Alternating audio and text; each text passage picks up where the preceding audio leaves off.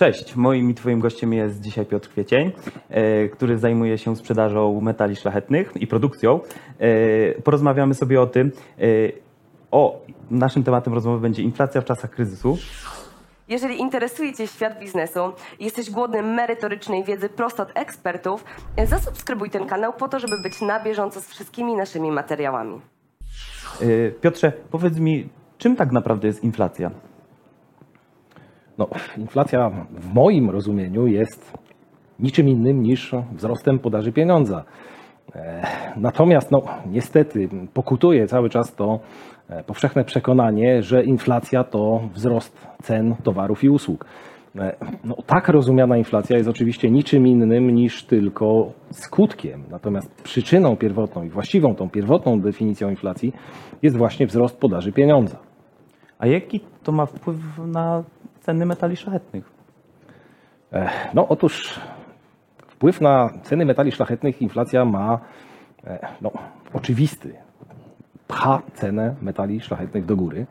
Natomiast w ujęciu historycznym no, musimy powiedzieć, że zwykle ten proces ma pewną bezwładność. To znaczy rośnie podaż pieniądza, rosną bardzo często już na tym początkowym etapie ceny towarów i usług, natomiast ta odpowiedź wyrażona ceną metali szlachetnych pojawia się dopiero z pewnym opóźnieniem.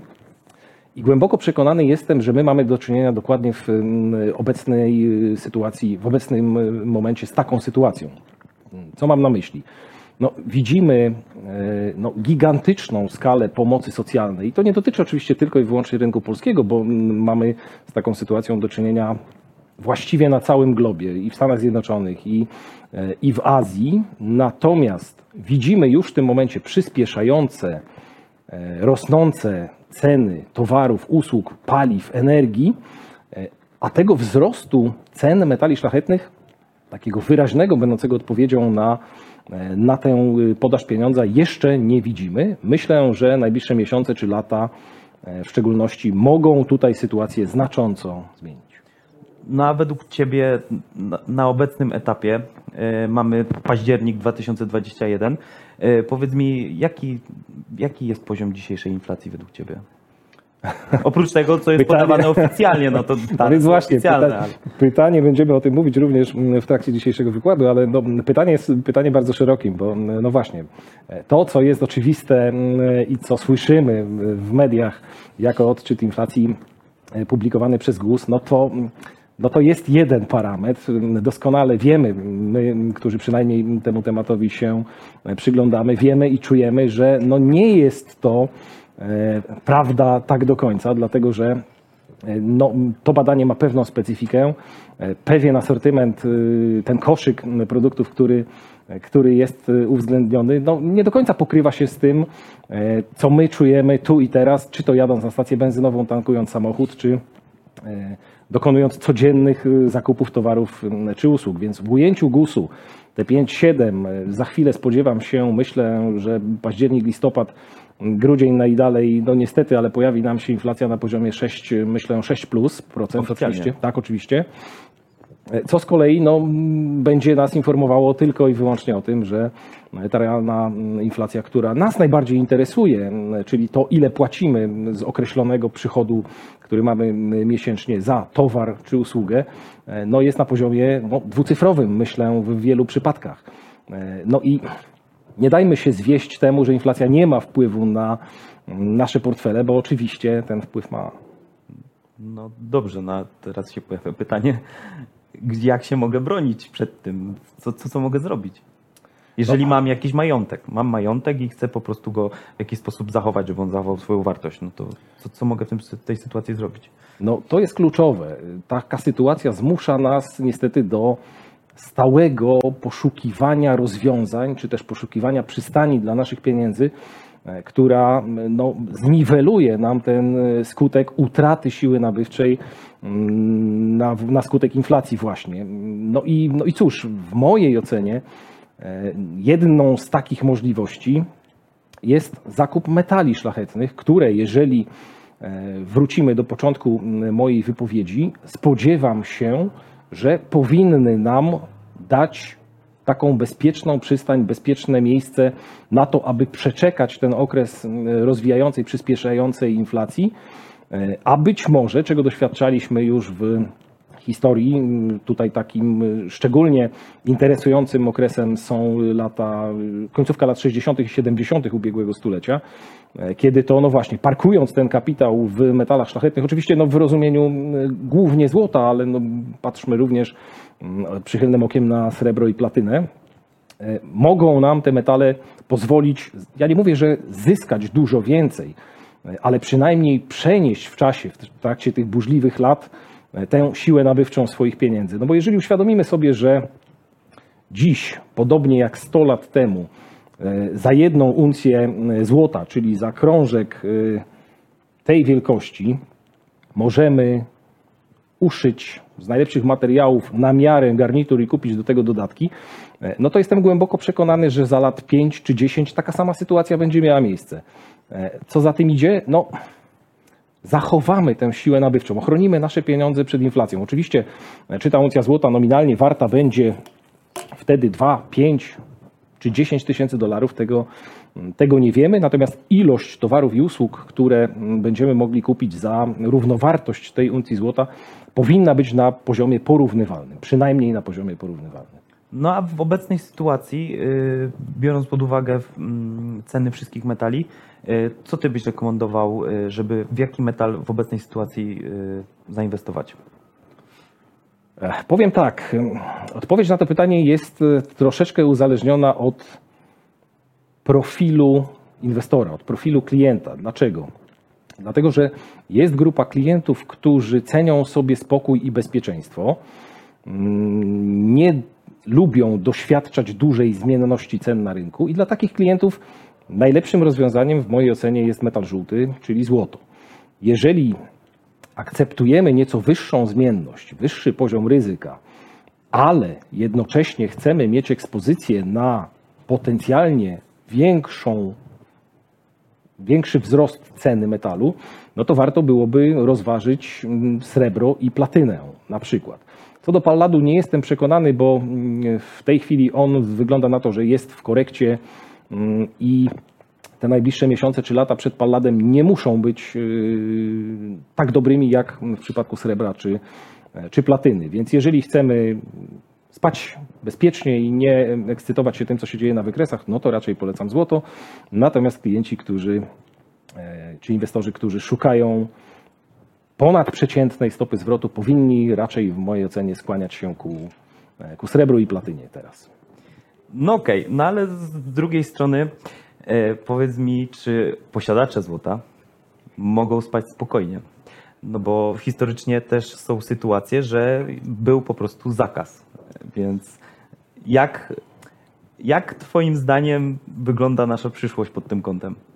Powiem tak, oczywiście musimy mieć e, z tyłu głowy e, i w pamięci te sytuacje, z którymi mieliśmy do czynienia.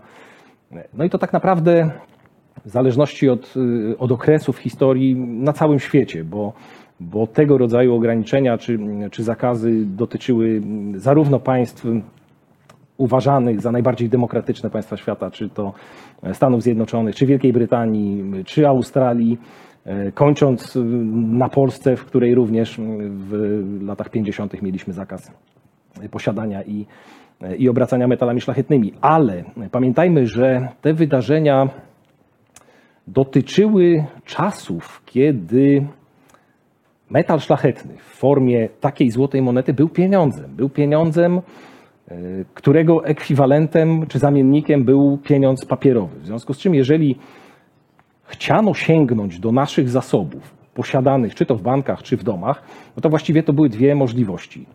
Gotówka w postaci papierowego pieniądza i pieniądz złoty.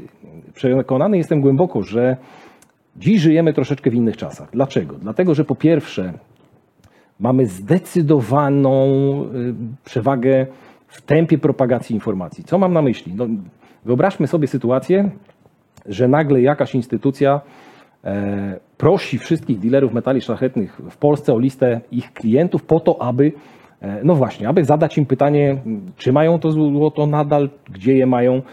E, No, taka informacja w ciągu kilkunastu minut poprzez portale społecznościowe rozchodzi się natychmiast tak, do wszystkich osób zainteresowanych. Nie bardzo wyobrażam sobie armię urzędników takiej czy innej instytucji, która w tym samym czasie wkracza do domów, nawet mając listę klientów, dealerów metali szlachetnych. Nie wyobrażam sobie, żeby mogła wkroczyć i szukać w naszych domach metali szlachetnych w formie fizycznej, które zawsze, pamiętajmy również o tym, że do tego czasu mogliśmy przekazać komuś innemu, mogliśmy zakopać w miejscu, którego w tej chwili nie jesteśmy w stanie znaleźć, albo no po prostu zgubić. Więc myślę, że w dzisiejszych czasach doczekamy się raczej innych rozwiązań, e, które będą po pierwsze łatwiejsze do mm, wprowadzenia, łatwiejsze do wyegzekwowania e, i myślę, że zdecydowanie przynoszące większy profit niż poszukiwanie metali szlachetnych u nas w domach. No, ale też y, w sumie teraz pojawia się pytanie, y, no jaka jest przyszłość w ogóle metali szlachetnych? No bo, no wiesz, no technologia idzie do, do przodu, prawda? Y, Różnych rzeczy możemy się spodziewać i złoto ma, czy metale szlachetne mają wartość fizyczną dla osoby, która widzi ten metal, tak? Natomiast y, myślisz, że w przyszłości te metale dalej będą miały taki realny wpływ na, na, na że, że możemy to przechowywać po prostu? Że to się opłaca? Głęboko przekonany jestem, że tak będzie. Dlaczego? Dlatego, że mm, no, po pierwsze mm, wyciągam wnioski z tych nawet nie setek lat mm, historii metali szlachetnych, czy to w systemach monetarnych, czy w ogóle w obiegu gospodarczym. E, W obecnych czasach y, jest ku temu jeszcze jeden w mojej ocenie argument.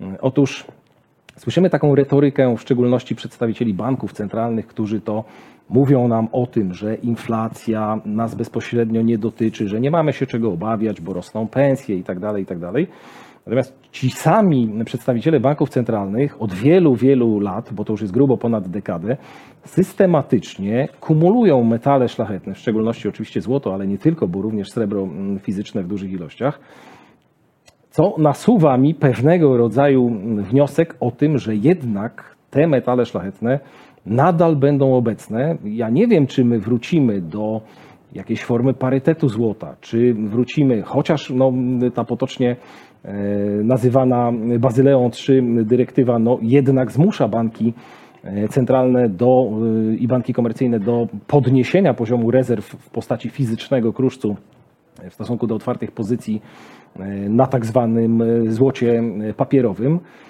Więc no, zapowiedź chociażby prezesa NBP profesora Glapińskiego o chęci zakupu kolejnych 100 ton e, złota w roku 2022 mm, i podniesienie poziomu rezerw e, Banku Centralnego do ponad 300 ton, no, dla mnie jest takim ewidentnym sygnałem, czytelnym sygnałem, że te metale szlachetne nadal będą atrakcyjne, nadal będą tym najbardziej pożądanym elementem rezerw banków. Także myślę, że możemy spać spokojnie.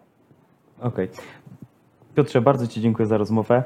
Ja również E, bardzo dziękuję. Jeżeli, jaki jest Twój temat na temat y, złota, jaka jest przyszłość złota według Ciebie, koniecznie daj nam komentarz i, i podziel się swoją opinią. Tak, tak samo zapraszamy Cię do subskrypcji y, kanału Asbiro. Dziękujemy. Dziękujemy. Jeśli chcesz przygotować swoją firmę na nowy ład i poznać najlepsze rozwiązania dla siebie, sprawdź pakiet nagrań z konferencji uczelni Asbiro, klikając w link w opisie tego filmu.